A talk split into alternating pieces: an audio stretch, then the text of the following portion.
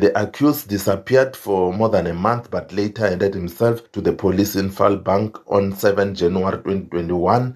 Uh, that was when he was arrested and charged for murder, attempted murder, theft of firearm, possession of unlicensed firearm with ammunition, and discharging a firearm in public. He was granted bail in April 2021. On 5 June 2023, he pleaded guilty to the charges and was taken back to custody after his bail was uh, withdrawn.